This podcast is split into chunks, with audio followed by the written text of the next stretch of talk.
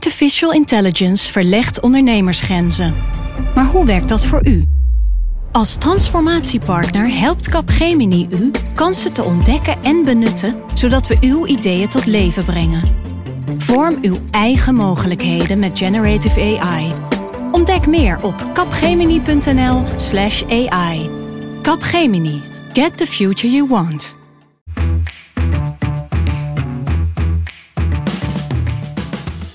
Dit is Haagse Zaken. Mijn naam is Lemia Aharouai. Fijn dat je weer bent. Voordat we zo beginnen, eerst nog even dit. In de vorige aflevering vroeg ik je al om vijf minuten van je tijd. Even een kort podcastonderzoek van NRC in te vullen. We zijn namelijk benieuwd naar wie je bent en wat je van Haagse Zaken vindt. Veel van jullie deden dat al. Heb je het nog niet gedaan, dan hier nog één laatste reminder. We hebben het je zo makkelijk mogelijk gemaakt. nrc.nl slash podcastonderzoek. In deze aflevering van Haagse Zaken gaan we het hebben over de scheiding tussen politiek en de rechterlijke macht. En wanneer vervangt de minister al die slappe rechters? Voor het eerst heeft een rechter gezegd dat er minder gas moet worden gewonnen vanwege de veiligheid van de Groningen. Het houdt eigenlijk in dat hij een heel duidelijk signaal wil geven naar de politiek. Het gaat er hier om eh, wat de balans is tussen wat de rechter mag zeggen en wat de politiek besluit. En bij het ene hebben we het over het rechtssysteem en dat is zeer veel waard. En bij het andere over de democratie en dat is ook veel waard. Op school hebben we het natuurlijk allemaal wel gehad, hè? die trias politica. En dat die machten allemaal strikt van elkaar gescheiden zijn. Het is nu weer actueel, want afgelopen week stelde de rechter Urgenda in het gelijk in een zaak over klimaat. Daar heb je waarschijnlijk heel veel over gehoord al de afgelopen dagen. Maar omdat het in 2015 allemaal al begon, toch nog eventjes een opfrisser. Want in 2015 stapte de directeur van Urgenda naar de rechter. Deed ze namens 900 mede-eisers. Die vonden allemaal dat de overheid te weinig deed om de uitstoot van broeikasgassen terug te dringen. Nou, Urgenda kreeg gelijk. De staat ging in hoger beroep. En nu heeft het gerechtshof Urgenda ook gelijk gegeven.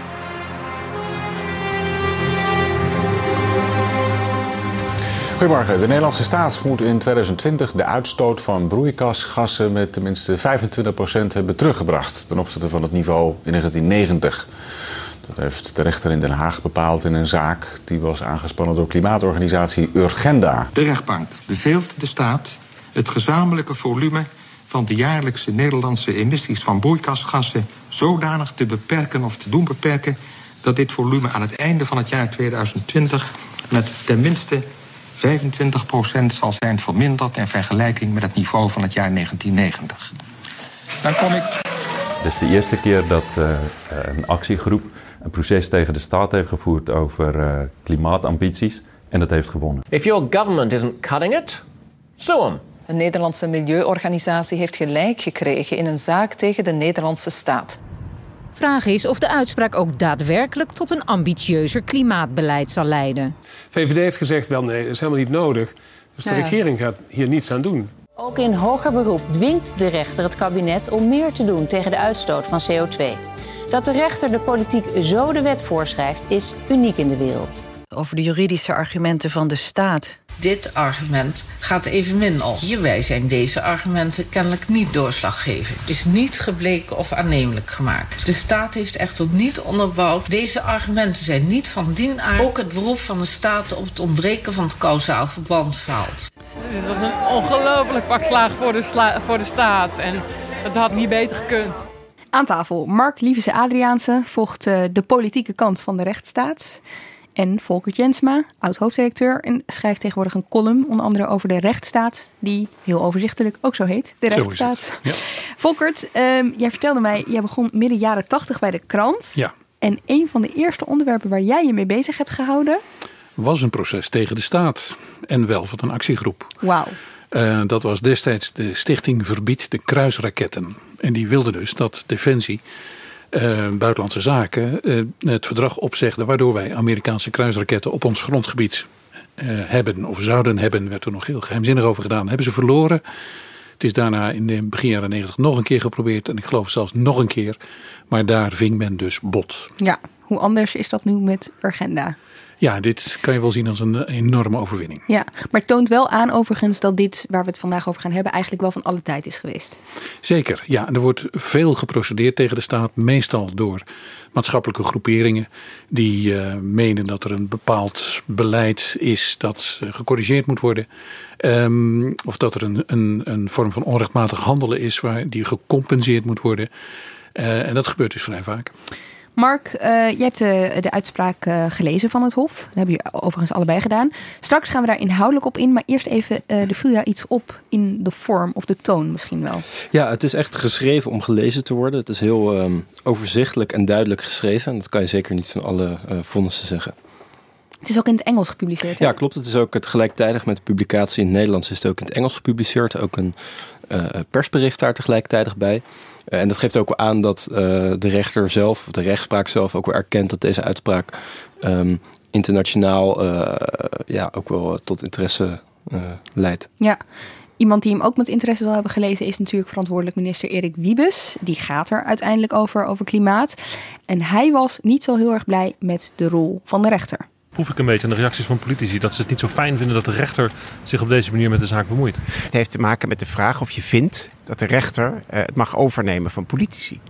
Uh, daarover uh, overwegen we in cassatie te gaan. Het gaat er hier om wat de balans is tussen wat de rechter mag zeggen en wat de politiek besluit. En bij het ene hebben we het over het rechtssysteem en dat is zeer veel waard. En bij het andere over de democratie en dat is ook veel waard.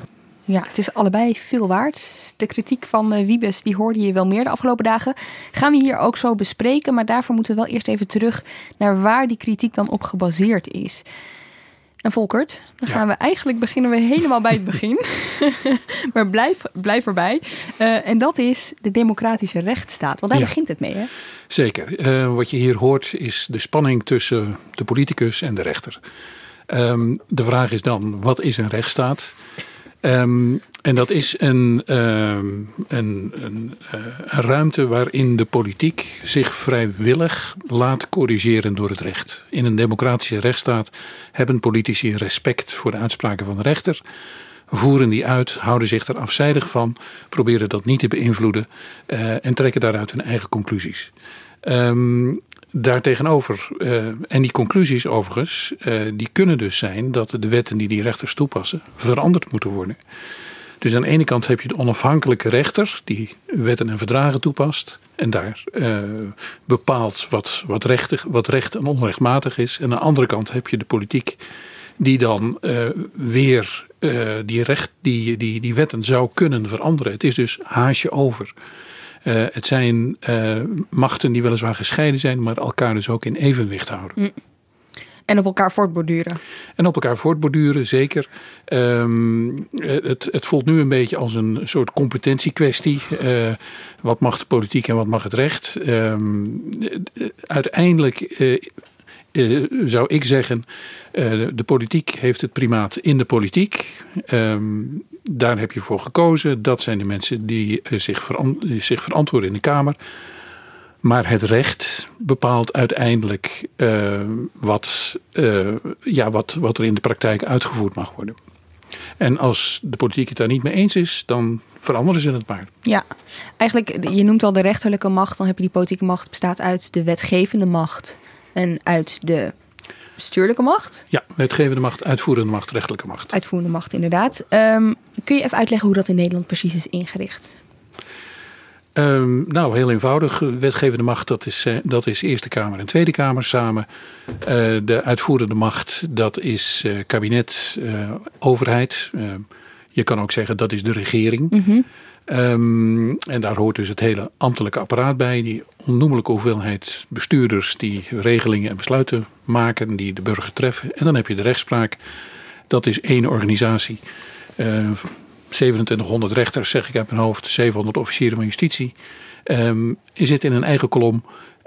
Zijn uh, in hoge mate onafhankelijk en zelfstandig. Hebben via het strafrecht een verantwoordingsplicht aan de minister van Justitie. Mm -hmm. En als, uh, als organisatie ook. Maar zijn in hoge mate zelfstandig. Ja, en die rechterlijke macht die zit er echt apart van. Hè? Ja. Dus die, maar die eh, wetgevende macht en die eh, uitvoerende macht, die, daar zitten nog wel scheidslijnen in, toch? Want de Tweede Kamer kan prima een initiatiefswetsvoorstel doen en is daarmee ook wetten aan het voorstellen. Ja, de, de, de Kamer is ook medewetgever. En Ja. mag dus ook inderdaad op eigen initiatief. Hoeft, is niet afhankelijk van wat het kabinet eh, eh, doet of wil.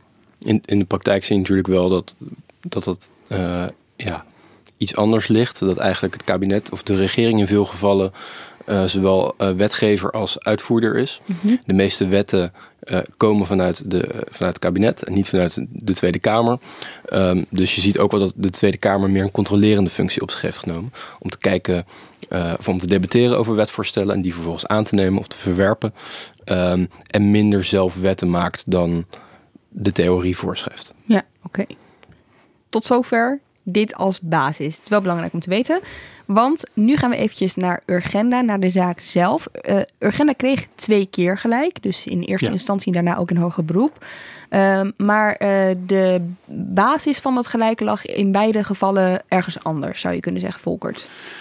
Eh, ja, waarbij dan vooral interessant is wat er in Urgenda 2 is gebeurd. Ehm, daar eh, grijpt de rechter namelijk in één keer naar het Europese Verdrag van de Rechten van de Mens.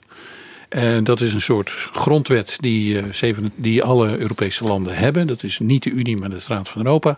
47 landen zijn dat. Eh, dat is een soort grondwet die je met z'n allen deelt. En daarvan zegt de rechter in hoger beroep: luister eens. Als het klimaatbeleid zo doorgaat, dan eh, komen de huidige generaties, de mensen die nu voor ons staan in de rechtbank, eh, die komen in gevaar. Hun leven wo- wordt bedreigd, hun woning wordt bedreigd, eh, nou ja, hun hele bestaan staat eigenlijk op het spel. Eh, en dat is dus een inbreuk op hun mensenrechten. Dat is een hele fundamentele stap die er gezet wordt. Eh, mensenrechten gaan boven alles. Mensenrechten hebben directe werking. Ehm, de Nederlandse wetgeving, alle wetgeving moet voldoen aan de eisen die de, dit verdrag stelt. Ehm, en dat is dus, nou ja, ik zou maar zeggen een shortcut ehm, die eh, eh, vrij bijzonder is. Eigenlijk zegt de rechter, ehm, de burger is in gevaar. Het kabinet, de regering heeft een zorgplicht ehm, om dat te voorkomen. Dat gebeurt onvoldoende. En dus eh, wint, wint de burger, wint Urgenda. Ja. Wat is die zorgplicht precies? Ja, de zorgplicht, ehm, dat is, ik zou willen zeggen, de basis van de verzorgingsstaat waar we in wonen. Eh, zorgplichten vind je terug in de grondwet. Ehm, ehm, de overheid heeft zich verplicht om voor werk te zorgen, voor onderwijs, voor gezondheid, voor huisvesting. Eh, de overheid is verplicht om rechtmatig te handelen, eh, dus om geen onzorgvuldige dingen te doen. Eh, dat is een algemeen rechtsbeginsel dat eh, in eh, het Nederlandse recht een belangrijke rol speelt. Ja. Ja, en bijvoorbeeld artikel 21 van de grondwet is best interessant, want dat gaat over de bescherming en de verbetering van het leefmilieu waar de overheid zorg voor moet dragen. Nou, dat is eigenlijk waar we het hier natuurlijk ook over hebben. Ja. Over eh, hoe je ademt, of je schone lucht kunt inademen, of je huis veilig is, of je leven veilig is. ehm, en of de overheid voldoende doet om het leefmilieu te beschermen en te verbeteren. Ja, het is eigenlijk wel heel breed.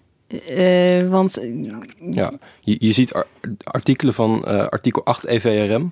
eh, dus Europees gaat- Verdrag voor de Rechten van de Mens. Precies, dat gaat over de bescherming van het recht eh, op respect voor het eh, privéleven, familieleven, de woning en correspondentie. Wordt in tal van eh, zaken genoemd. Dat, ik heb het langs horen komen in asielzaken. eh, in de, de, bedpad-brood eh, discussie een aantal jaar geleden kwam het langs. Advocaten die niet willen dat de namen van hun cliënt door kranten worden opgeschreven, die hebben het erover. Dus het is een enorm groot begrip dat ook in heel veel zaken langskomt. En dus ook hanteerbaar is in deze kwestie. Ja, het heet ook wel een koepelnorm. Het is een soort containerbegrip waar je alles in kan doen. Ehm, het is een soort eh, veiligheidsgordel voor alle wetten die we eh, in het land kennen. Daaraan moet het voldoen. Ja, en het is dus, als ik het goed begrijp, en die EVRM noemen jullie nu, en jullie noemen gewoon de Nederlandse wet. Met Ja. andere woorden, het is dubbel, dubbel vastgelegd. Ja, we, hangen aan twee haken hier. We zeiden dat de- de grondwet in Nederland een beetje tussen haakjes staat. En we het echt van het EVRM moeten hebben. Ja. Ik, ik zit, waarom is dat? Ja, de grondwet van 1848, eh, als ik me zo vrij mag zijn. Thorbecke die, die wilde al heel graag dat de rechter, dat de grondwet eh, door de rechter gebruikt zou mogen worden. Eh, en eh, daar was het parlement destijds niet voor. Want het parlement in Nederland heeft niet zo'n behoefte aan controle door de rechter. Je kon het bijna Wiebes alweer horen zeggen. Eh, dus die houdt mij graag op afstand. En sindsdien hebben wij zelfs een toetsingsverbod in de grondwet staan. Dus je mag je als burger in de rechtszaal niet beroepen op de grondwet. Want daar mag de rechter niet aan toetsen. Eh, in de praktijk betekent dat dat je via een omweg van het Europese verdrag, waar die grondrechten ook in staan, alsnog eh, direct die grondwet, sorry, die, die grondwet inderdaad naar je toe kan halen. Ja, eigenlijk heel omslachtig, hè? Omslachtig, on, onnodig, eh, gevrongen, eh, vervelend. eh, Volkers heeft er een mening over. ja, die, grond, Ja, ja. die grondwet is van ons, dat is ons stuk, dat, dat hebben wij verzonnen. En, Maar het symbolische en culturele belang dat in Nederland aan de grondwet eh, wordt gegeven, is ook veel minder dan in andere landen. Nou, daarom, daar komt dat Duitsland, van. Amerika Ja. is dat veel sterker. Er zit ook veel meer bepaalde constitutionele traditie. Eh, vraag een Amerikaan naar eh, de amendementen van de grondwet en die kunnen ze zo opdreunen. In Nederland kennen we misschien artikel 1 nog, hè, het verbod op discriminatie. En eh, eh, artikel 7, vrijheid van meningsuiting. Ja. Ook wij moeten er al over En meer dan- denken. en Heb je meer een hele dan dat goede- is het eigenlijk. Heb je al een keer een podcast over gemaakt? Dat is waar. Seizoen 2, nummer 29. Dat ging toen over de vrijheid van meningsuiting. Zeker het terugluisteren waard. Maar het interessante is wel dat om de zoveel tijd wel geprobeerd wordt om die constitutionele toetsing in Nederland toch weer te regelen. In 2005 eh, heeft Femke Halsema dat geprobeerd. Nou, dat plan is afgelopen Prinsjesdag ergens rond half vier smiddags eh een stille dood gestorven. Toen eh, Katelijne Buitenweg, nu de justitiewoordvoerder van GroenLinks, een brief naar de Tweede Kamer stuurde waarin ze liet weten dat GroenLinks de wet intrekt. Eh, dat was eigenlijk een hele procedurele stap die er ook wel aan zat te komen. Omdat de Raad van State, de hoogste bestuursrechter in Nederland, maar ook adviseur, adviseur op wettelijk gebied, ehm, eerder had, al had laten weten dat de behandeling van deze wet zo lang stil lag dat het eigenlijk weer helemaal opnieuw moest gaan. Dus dan ben je 13 jaar verder ehm, en is het weer niet gelukt. En, en nou ja, als ik mag overdrijven, alle juristen in Nederland plengden een traan toen dat gebeurde. Eh, want daarmee zijn we de grondwet weer kwijt. Het, is dus nu zo dat de enige eh, die in Nederland eh, de grondwet mogen toepassen, dat is de Kamer. En de Eerste Kamer die kijkt dan mee of wat de, wat de Tweede Kamer en de regering aan wetsvoorstellen hebben ingediend, of dat wel spoort met de grondwet. We vragen daarvoor advies aan de Raad van State. Maar als die het eens zijn, nou het kan wel of er is wel kritiek, maar we doen er niet zoveel mee.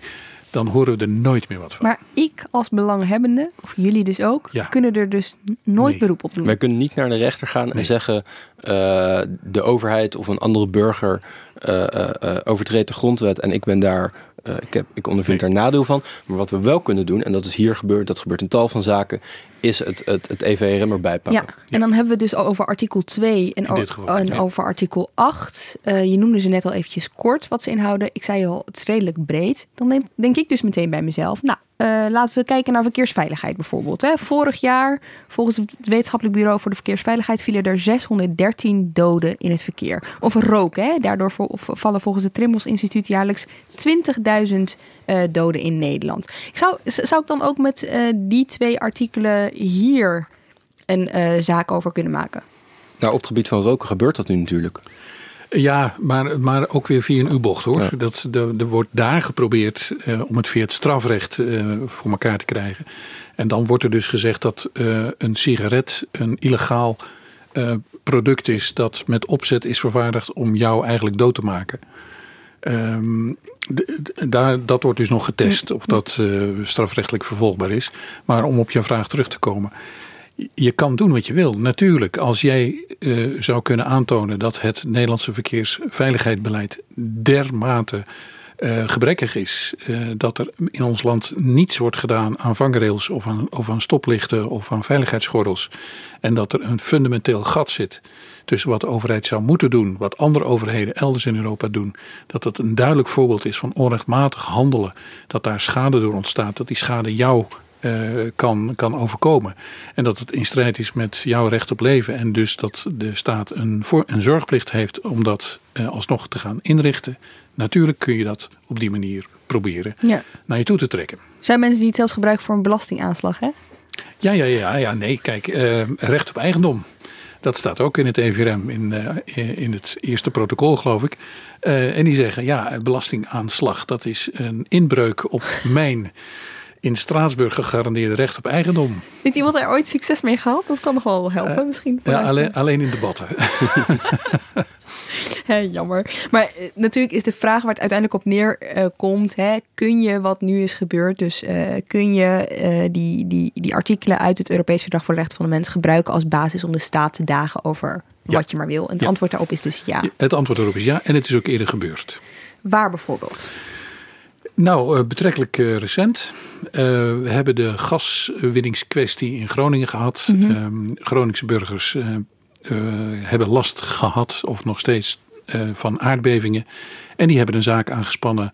In dit geval bij de afdeling bestuursrechtspraak van de Raad van State. Tegen de staat en hebben gevraagd: hou daarmee op. Voor het eerst heeft een rechter gezegd dat er minder gas moet worden gewonnen. vanwege de veiligheid van de Groningers. Het houdt eigenlijk in dat hij een heel duidelijk signaal wil geven naar de politiek. Ja, fantastisch. Ja, dat is een slag gewonnen, maar het is nog geen oorlog. De oorlog is nog niet gewonnen. Een paar maanden later uh, werd uiteindelijk natuurlijk wel de gaskraan helemaal... Ja. Uh, tenminste, werd beloofd dat het ja. helemaal dichtgedraaid zou worden.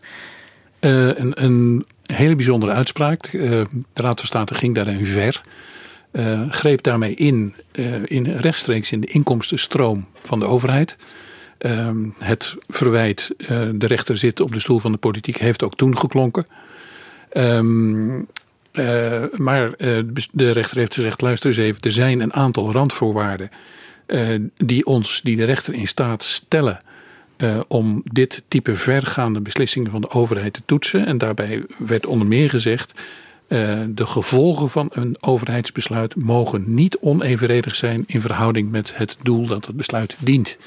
Met andere woorden, we kunnen wel gas uh, oppompen en dat kan wel goed zijn voor uh, de begroting. Maar uh, als dat betekent dat er mensen in Loppersum als hun huizen instorten en ze levensgevaar lopen, dat, dat offer is te groot. Dat kan je niet vragen. En dus stoppen wij, rechter stopt hier de gaswinning.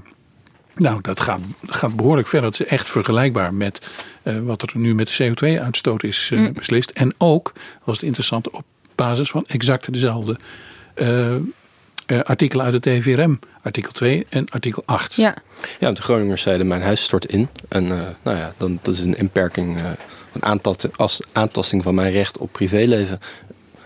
artikel 8 EVRM. Ja, ja. Dus, dus overheid, stop hiermee. Dus het is wel eens op dezelfde manier gebeurd met ja. succes. Ja, uh, 2 en 8 toevallig ook in een milieuzaak. Maar het komt eerlijk gezegd ook wel vaker voor dat burgers met een beroep op, uh, op uh, mensenrechten de overheid tot schadevergoeding dwingen. Uh, of tot een ander beleid ja, dwingen. Want dat is even belangrijk. Hier moeten we even het onderscheid maken tussen civiele zaken en ehm, ja, wat is het bestuursrechtelijke Dit was bestuursrecht. Ja. ja, dit was bestuursrecht. Urgenda was natuurlijk civiel en dat heeft ook gevolgen. Ja, um, kan gevolgen kan hebben. gevolgen hebben. Dit is, uh, Urgenda zei, dit is, een vorm, dit is een vorm van onrechtmatig handelen onrechtmatige overheidsdaad. Uh, we hebben daar direct schade van en die schade moet worden gecompenseerd. En er is ook een causaal verband tussen wat de overheid doet, of in dit geval nalaat, en het feit dat ik die schade ga oplopen. Namelijk dat ik uh, natte voet krijg of dat ik uh, niet meer kan ademhalen. Mm -hmm. um, en de rechter heeft dat, is daarmee akkoord gegaan. En dat betekent dat Urgenda nu een schadevergoeding zou kunnen vragen, respectievelijk een dwangsom zou kunnen vragen. Ja. Daar moeten ze nog een procedure voor aanspannen, maar dan, dan moet er dus geld op tafel komen. Ja, hoewel is aangegeven dat ze dat niet van plan zijn op dit moment. Ja, op dit moment eh, hebben ze inderdaad aangegeven dat nog niet te willen, maar wanneer uh, Nederland in 2020 alsnog die doelen niet gehaald heeft, dan hebben ze gezegd, nou, dat verandert de situatie. Ja. En ze, ze doen het niet uit financieel gewin. Ja. Nog een voorbeeld is uh, de weduwe in Indonesië, Volkert. Ja. Uh, een voorbeeld van een, ook hier weer een onrechtmatige overheidsdaad. Om niet te zeggen een oorlogsmisdrijf, want daar hadden we het toen over. Uh, alleen strafrechtelijk kon dat niet meer worden vervolgd, want het was verjaard. Maar de schade was er nog steeds. Dit waren weduwen uh, in Indonesië, in het dorp Rawagede.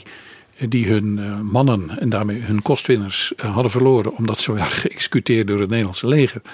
En die kwamen op de gedachte om 50 jaar later aan de staat te vragen om dat gemiste inkomen alsnog uitbetaald te krijgen. En dat werd ook een zaak. Het is een bijna vergeten bloedbad in het Indonesische dorpje Rawagede. In 1947 vermoordde het Nederlands leger er 431 mannen. Nederland moet nu van de rechter nabestaanden alsnog schadevergoeding betalen. De nabestaanden vechten al jaren om erkenning en om een schadevergoeding. Volgens de Nederlandse staat zijn ze veel te laat. Maar daar is de rechter het dus niet mee eens. De belangrijkste overweging daarbij is dat die uh, executies een zeer ernstig feit zijn. Het gaat om executies zonder enige vorm van proces van ongewapende eigen onderdanen. En belangrijk daarbij is dat, we, uh, dat die onrechtmatigheid niet alleen uh, komt vast te staan als je met de bril van nu terugkijkt, maar ook dat dat destijds al zo werd gezien. Eindelijk erkenning, zegt Jeffrey Pondaag namens de nabestaanden. Hun eer is hersteld door de rechtbank. Met andere woorden, het gebeurt vaker. Waarom is dit rond Urgenda dan toch zo groot nieuws? Nou, ja, omdat het de overheid dwingt tot enorme maatregelen, tot enorme uh, stappen die ze moeten ondernemen. We moeten in de komende 14 maanden uh, meer doen, of eigenlijk hetzelfde, ja, evenveel doen als Nederland de afgelopen 28 jaar heeft gedaan om uit of broeikasgassen uh, te verminderen. Uh, dat is enorm, dat is een enorme opgave. Uh, dat vraagt om heel veel beleid. Uh, het zal veel geld kosten. En de politiek zegt daarom, ja, dat is wel een heel groot, eigenlijk een hele grote eis die de rechter ons nu oplegt. en de politiek zegt, wij doen het al. Ja, de politiek zegt nu, we doen al heel veel. We hebben een klimaatakkoord gesloten. We komen met allerlei maatregelen. Um, maar toch gaan we in cassatie, um, want het gaat om het principiële punt. En wat, wat Wiebes aan het begin van de uitzending ook zei, uh, de rechter zou hier op de stoel van de politiek gaan zitten, zou beleid voorschrijven. Dat willen we niet, daar zijn we in principe tegen. Um, dus gaan we in cassatie. Terwijl eigenlijk wat deze uitspraak is, en wat ook de uitspraak die Volkert net noemde, het is beschermen van de burger tegen almacht van de staat, mm. tegen negatieve gevolgen van de staat. In dit geval het uitblijven van voldoende klimaatbeleid heeft negatieve gevolgen, erkent de rechter voor onze leefomgeving, voor onze levens. Um, dus meer dan, dan voorschrijven van beleid, of op de stoel van de politiek gaan zitten, uh, wat dat dan ook mag zijn, is het eigenlijk het beschermen van de burger tegen de staat. Nou, dat is de rechtsstaat, of de kern van de rechtsstaat ook. Ja, dus uh, eigenlijk is de kritiek hier een beetje De kritiek gek. is begrijpelijk. Want het betekent natuurlijk heel veel. Ja, maar po politiek, po politiek is het begrijpelijk. Politiek is het, is het prima begrijpelijk dat als jij minister van Klimaat bent en de rechter uh, dwingt jou om uh, de komende 14 maanden evenveel te doen als Nederland de afgelopen 28 jaar heeft gedaan, dat je daar niet blij mee bent. Maar de kritiek is ook gek, Volkert. Nou, de, nou de, de, kritiek is heel opportunistisch. Um, en de, de, kritiek is ook voorspelbaar. En dat een politicus dat zegt als die wordt gecorrigeerd, ja, dat is van alle tijden. Uh, dus daar, daar hoeven we niet van op te kijken dat dat zo is. Um, tegelijkertijd moet je ook uh, vaststellen dat uh, de zaak zelf van een enorm gewicht is. Um, en uh, dat als de rechter zich daaraan waagt, dat is dan op zich al een teken uh, dat er sprake is van, ik zou bijna zeggen, uitslaande brand. Oh? Ja, nee, maar kijk ook nog maar weer eens naar die gaswinningszaak. Um, daar heeft de rechter dus het voortouw genomen. De rechter was daar de eerste die zei, je moet ophouden hiermee. En nog een half jaar later of een jaar later deed de politiek exact dat. Ja. En dus de rechter weet ook wel dat hij zijn teen pas in het water moet steken als je erin kan zwemmen. Ja. Dus die heeft ook, laat ook wel een zekere politieke oriëntatie meespelen. En inderdaad, wie zegt, ja, we gaan al die kant op. Dat klopt. Um, alleen wel een beetje laat en een beetje haastig. Uh, en die doelen die ze al ze zeiden te willen bereiken, hebben ze nog niet bereikt. Dus de rechter zit hier wel in een, ja, toch in een, in een koers uh, waar de politiek ook al in zit. Dus dat maakt uh, het, het gezag van zo'n vonnis uh, toch vrij groot. Um, dat maakt het ook zo interessant dat het nu gebeurt. Dus ik, ik vermoed eigenlijk, er zal nu worden geprutteld. En uh, jongen, jongen, jongen, de rechter en zo moeten terug naar zijn hok. En we gaan nog in cassatie. En dan over drie jaar hebben we weer, of over twee jaar ja. hebben we weer een nieuwsbericht. Maar ondertussen zijn ze hier op het ministerie wel aan het nadenken hoe ze snel... snel hoe krijgen we die, hem, die hemwegcentrale binnen een half jaar dicht? De kolencentrale. Ja. ja. Maar even, dit hele gebeuren in de kern is dus eigenlijk... Nederland committeert zich aan doelen al 28 jaar lang... Hè, van het verdrag van Kyoto tot en met ja, het Parijs. Kyoto is in 97 ja. gesloten en dat zegt, slaat terug op uh, de, de uitstoot in 1990. Dus ja. eigenlijk sec is het de afgelopen 21 we gingen jaar. Naar de, we gingen naar de kern, ja, sorry. Ja. Oh ja, nee, uh, precies. dus Nederland committeert zich aan allerlei uh, verdragen. Ja. doet dus ook een belofte voor ja. de uitstoot in 2020. Ja. En er is een belangengroep die zegt dit gaat te langzaam. Ja.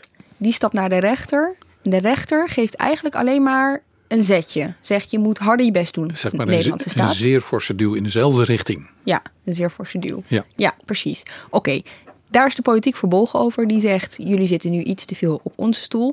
Maar daar gebeurt iets interessants, eh, Mark. Want het is natuurlijk ook wel eens zo dat eh, de politiek een beetje op de stoel van de rechter wil gaan zitten. Ja, zeker. Dat eh, merk je regelmatig. Zoals eh, een week of twee geleden nog, toen eh, duidelijk werd dat Volkers van de G zich niet meer fysiek hoeft te melden.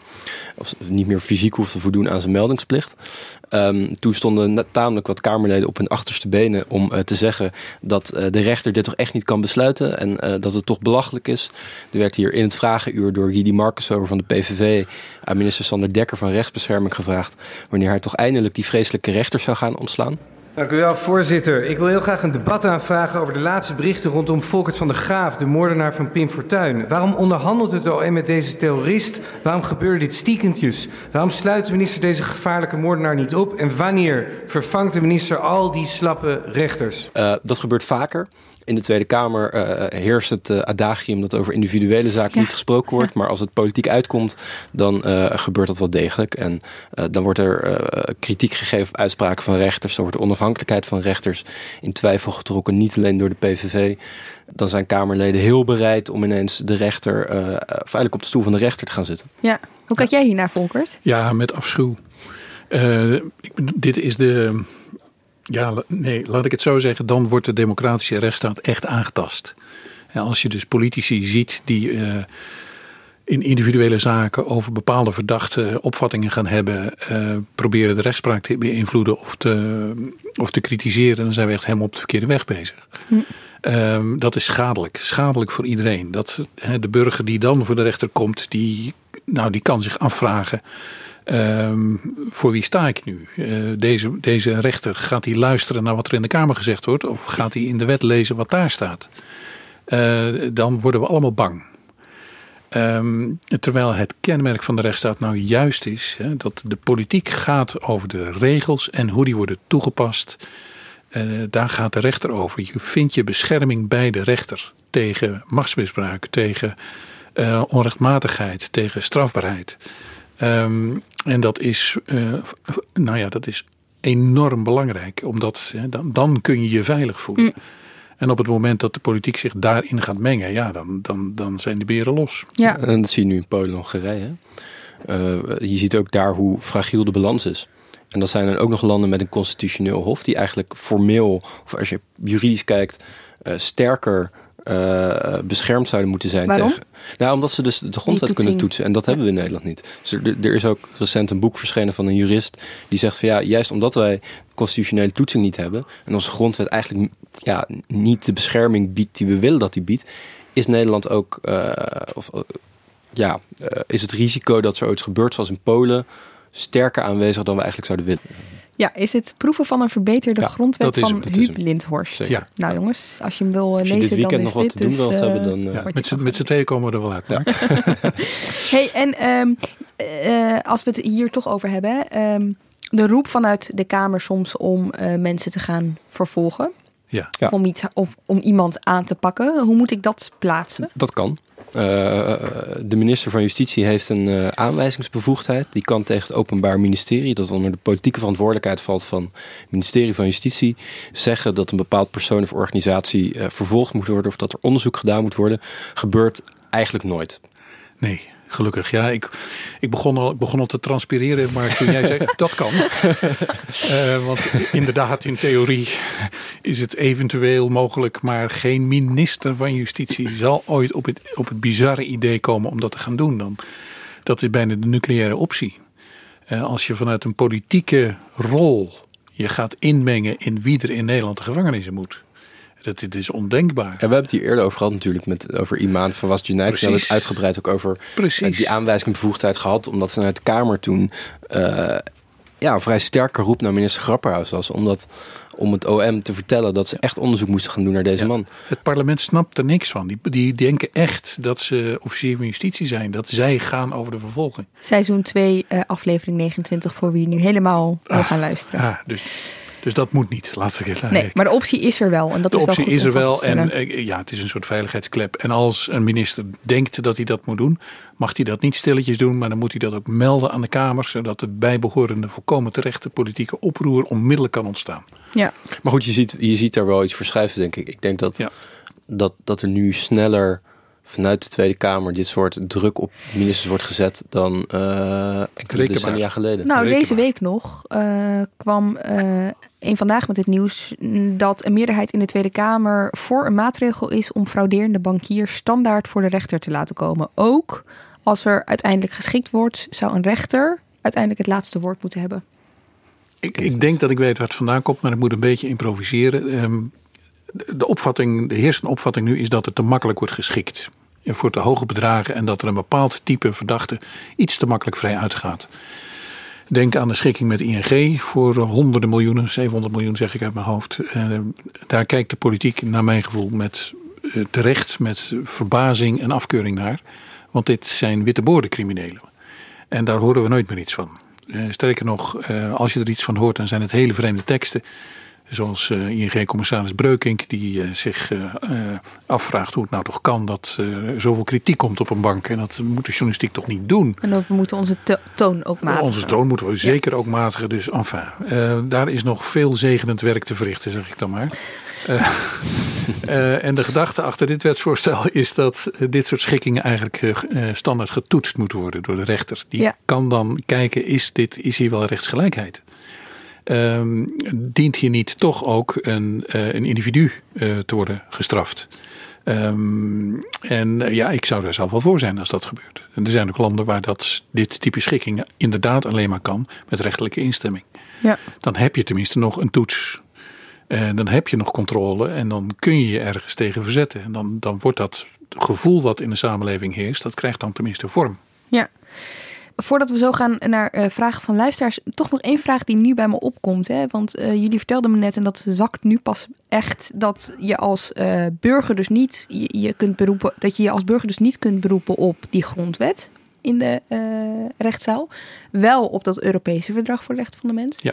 Er zijn partijen, of er is in ieder geval één politieke partij die van dat verdrag af wil. Dat is de Ja. VVD. Dat Nou, staat de VVD wil af van de directe werking van internationale verdragen in het Nederlands recht. Dus dat betekent dat je ook in de, de rechtszaal als burger of als organisatie als Urgenda niet meer naar het EVRM kunt wijzen eh, om je te beschermen. Waar kun je dan nog wel naar wijzen?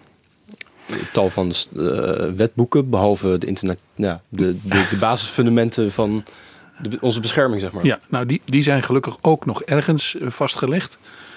Ehm, ook de Europese Unie heeft nog een eh, soort collectieve grondwet.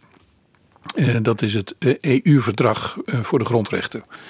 Ehm, dus ook daar hebben we gelukkig nog een anker waar je je aan kan vasthouden. En waar je ook als burger, zeg ik nu improviserend uit mijn hoofd, direct een beroep op kan doen. Dus er zijn tenminste twee eh, verdragen die nog via de, toch via de band in het Nederlandse Ja. procesrecht kunnen worden geïmporteerd. En dat is het EVRM, dat is Straatsburg, Verdrag Ja. voor de Rechten van de Mens. En het EU-verdrag voor de Grondrechten.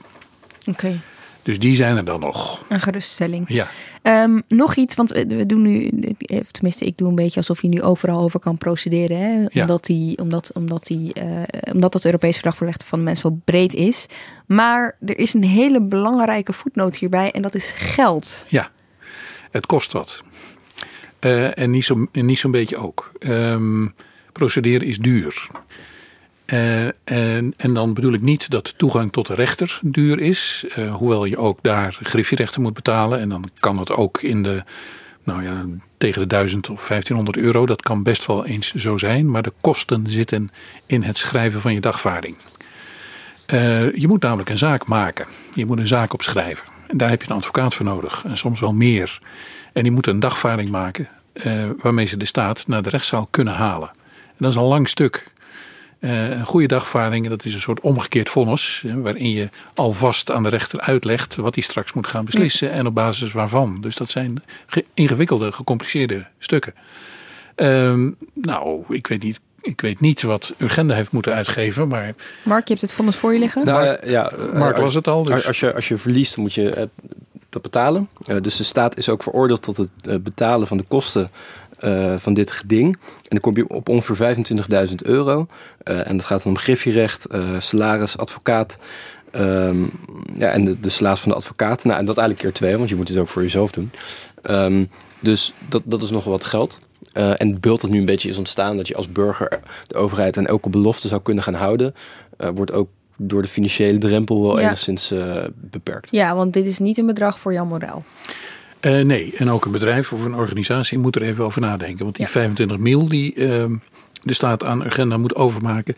Ik vermoed dat dat toch niet de volledige kosten zullen zijn. Dat zou best wel eens twee of drie keer zo hoog kunnen zijn. Waarom? Eh, omdat de rechter matigt. Eh, die heeft een tarievenlijstje en die zorgt ervoor ehm, dat, hoe zal ik het zeggen, het verliesrisico dat je loopt als je wordt gedaagd in een procedure, eh, dat je daar niet op leeg loopt. Ja. Dus stel je voor, je kan, als je nou heel veel geld hebt en er heel veel geld in wil steken. eh, en je wint ook nog, dan kan je zo'n wederpartij helemaal stuk maken. Ja, ik denk dat Urgenda wel iets meer dan 25.000 euro betaald Ja. zou hebben hoor, voor hun advocaten. Ja. Zeker in deze procedure door jaren loopt. Dat, Ja, eh, maar je hebt dus een oorlogskast nodig. Ja. En dan niet alleen voor, voor één instantie, maar voor twee of voor drie of voor vier. Dus, En altijd met het risico dat je verliest en dus ook de kosten van de ander moet gaan betalen. ja, dus denk in tonnen. Ja. Nou, dat verkleint eh, de mogelijkheid Had je plannen, procederen over alles. Eh, we gaan even naar wat eh, luisteraars vragen. Iemand vraagt, is het zo dat andere belanghebbenden van andere internationale afspraken die we hebben, de staat hier aan kunnen houden? En diegene schrijft ook, ik zag zelf meerdere keren de NAVO-norm voorbij komen. Gaat ook om veiligheid, is een internationale afspraak en een belofte voor de toekomst die we nu nog niet halen. Snijdt die vergelijking hout? Dat is een uitstekende vraag. Ehm, maar ehm, kijk, als jij bij de rechter kunt, kunt, aan, kunt aantonen dat eh, het feit dat Nederland niet voldoet aan die NAVO-norm eh, een directe bedreiging is voor jouw persoonlijke levenssfeer.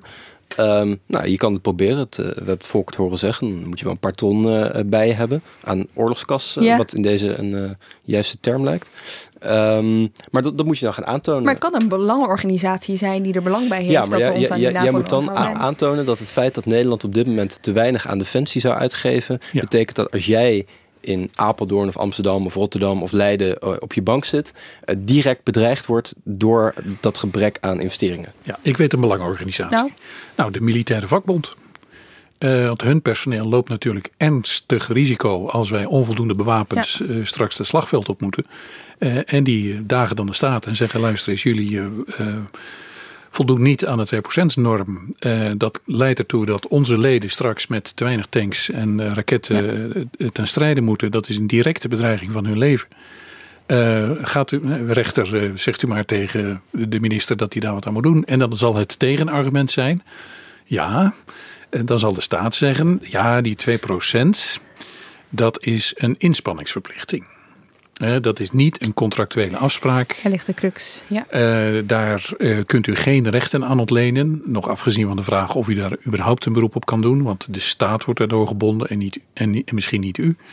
Ehm, eh, er zijn ook, eh, eigenlijk zijn, zijn er geen landen in Europa die die 2%-norm halen. We doen allemaal ons best. Eh, dus we zitten op de goede weg, et cetera, et cetera. Dus Hm. zo hard is het niet. Zo groot is dat gat niet. En zo groot is dat risico derhalve ook niet. Dat zal Ja. dan het tegenargument Maar zijn. als, het een, als, we, als we ons wel echt gecommitteerd hadden met een contractuele verplichting om aan die NAVO-norm te, vo- te voldoen, dan had zo'n militaire vakbond dus wel kans. Dat, dan had de zaak sterker Heel gestaan. maar- Ja, had de zaak sterker gestaan. Dan heb je er ook nog een zeer dreigende internationale situatie bij nodig. Ja. En een acute oorlogsdreiging. ehm, en Die je dan- ook moet kunnen aantonen. Ja, ja de, zoals in de Agenda 2-zaak. eh, Daar is de rechter diep ingegaan op alle wetenschappelijke argumenten. Ja.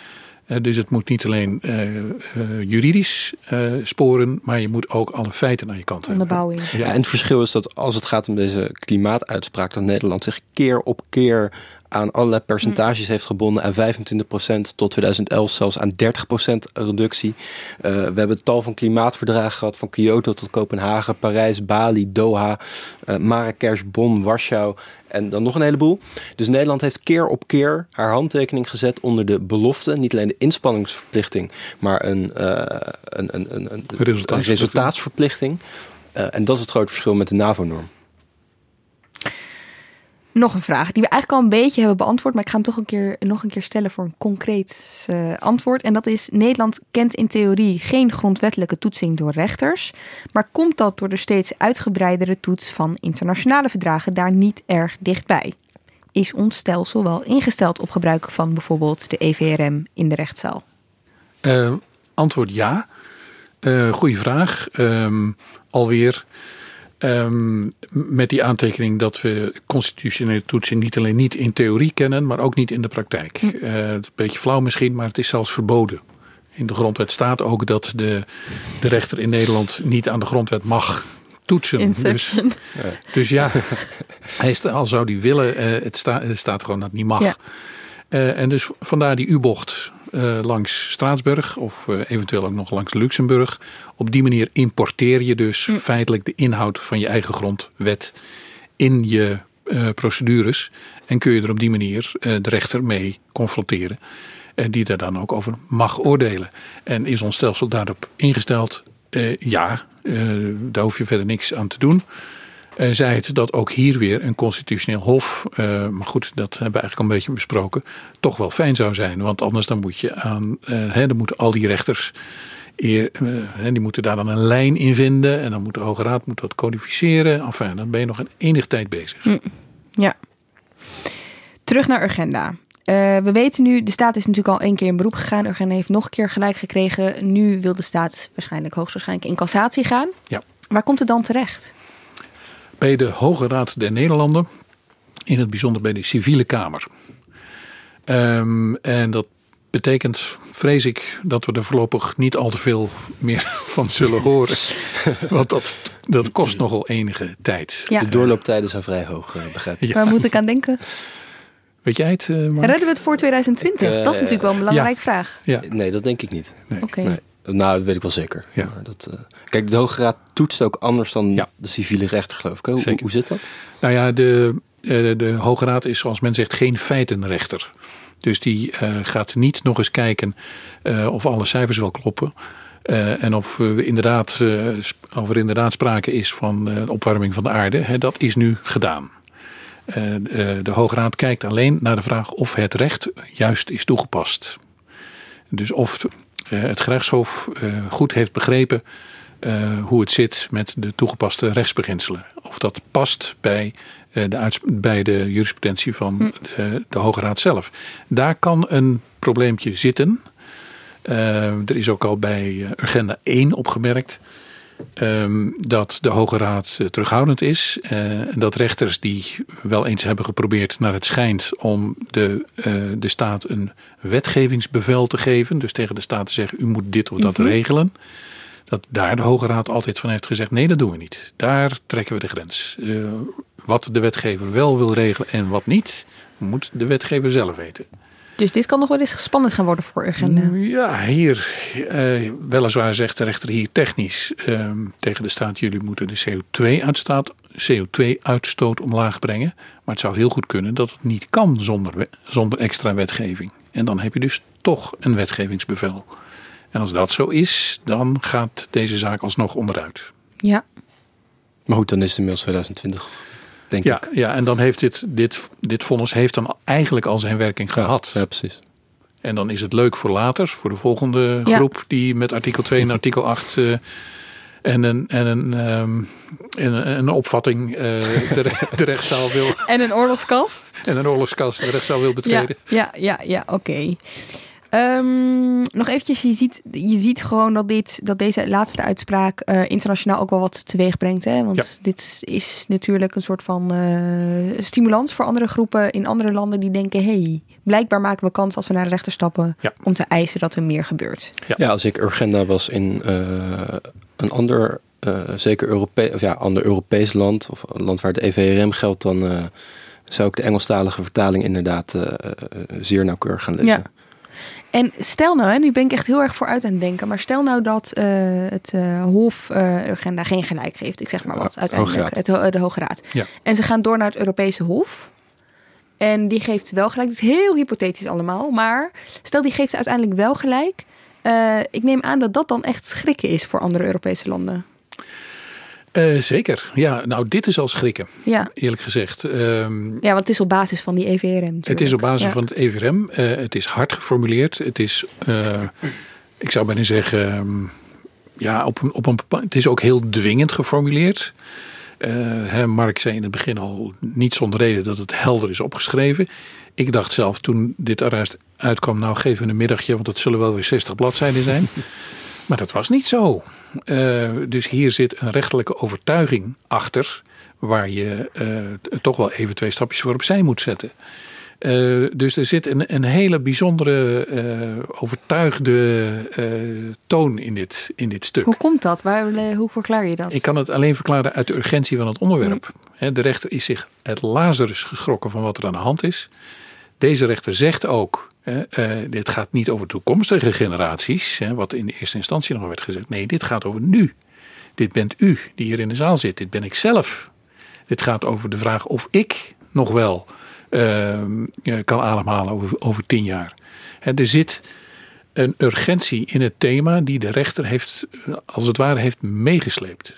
Ja. Dus misschien komt het omdat we een idioot hete zomer hebben gehad. En het is nu oktober en we lopen zonder jas op straat. Iedereen voelt, er is iets gaande. Ja. Ja, we, we hebben zelfs de krant deze, deze zomer ook op de voorpagina gezet dat we eh, klimaatverandering deze zomer eh, in de ogen hebben gekeken. Eh, en dat doen we eigenlijk al een paar jaar eh, met klimaatrampen die toenemen, eh, extreem weer dat toeneemt. En dat is ook wel ja, enigszins gerelateerd aan klimaatverandering. Ehm, dus de tijd dat, dat de negatieve gevolgen van klimaatverandering nog iets was van nou dat, dat komt wel eh, over een paar jaar, die is eigenlijk ook wel voorbij. En dat, dat zal de rechter ook hebben meegewogen van ja, eh, het is eigenlijk al, eh, het is niet vijf voor twaalf, het is misschien ja, al één over twaalf. En als we willen zorgen dat we tien over twaalf nog halen, dan moet er wel echt iets gebeuren. Ja, en dat moet dan gebeuren door de politiek. Eh, met de rechter eh, hijgend in de nek Ja. van het openbaar bestuur. Als ik het samenvat, hè, concluderend. Eigenlijk komt het hier, hierop neer. En dan vereng ik, vereng ik het heel erg, dat daar ben ik me van bewust. Maar de politiek doet iets. Ik, of Urgenda in dit geval, heeft weinig vertrouwen in wat de politiek doet. En kan dus naar de rechter stappen om ehm, extra druk te zetten. Ja, met die aantekening dat het niet om vertrouwen gaat, maar om schade. Ehm, als jij denkt, als wij als burgers denken wat de politiek nu doet of wat de politiek nalaat, dat zorgt ervoor dat wij worden bedreigd. Dat wij niet meer kunnen leven, dat onze kinderen niet meer kunnen, eh, niet meer kunnen ademen, dan kunnen we naar de rechter. En dan kunnen wij met een beroep op mensenrechten eh, dat besluit van de politiek toetsen. Ja. Nou, dat is het wonder van de rechtsstaat. Ja. Dat dat kan. En om nog één keer die hele discussie die nu waarschijnlijk gaat beginnen over de rechter op de stoel van de politiek, Ja. om dat in perspectief te zetten, dit is eigenlijk heel normaal. Dit is wat de rechter hoort te doen. Ja, dit, dit is, het, het, het is ook, er, is geen finaal antwoord op de vraag wie op welke stoel moet gaan zitten. Het is een, Hey, een permane- jammer. het is een permanente, ja, maar het, het is een permanente discussie en de, het is een, een balans die, die continu. Ja, het is, het is ook haasje over wat ik in het begin zei. Ja. Eh, De rechter, de politiek doet een zet of vergeet iets te doen. De rechter corrigeert. De politiek wordt wakker en begrijpt van, oh jee, we moeten wat. Ehm, eh, en doet iets. En dan is eventueel de rechter weer aan zet. En zo gaan we elkaar corrigerend, eh, elkaar in evenwicht houdend, vinden we en het recht eh, en eh, formuleren we het beleid. Ja, ja, dat is de kern, denk ik, het evenwicht. Evenwicht. Goed om in dat achterhoofd te houden de komende tijd. Dank jullie wel, Volker Jensma en Mark Lievese Adriaanse. Dank ook voor het luisteren naar Haagse Zaken. Ik zeg het toch nog stiekem nog één keer. nrc.nl slash podcastonderzoek. Je doet ons er groot plezier mee. Tot volgende week.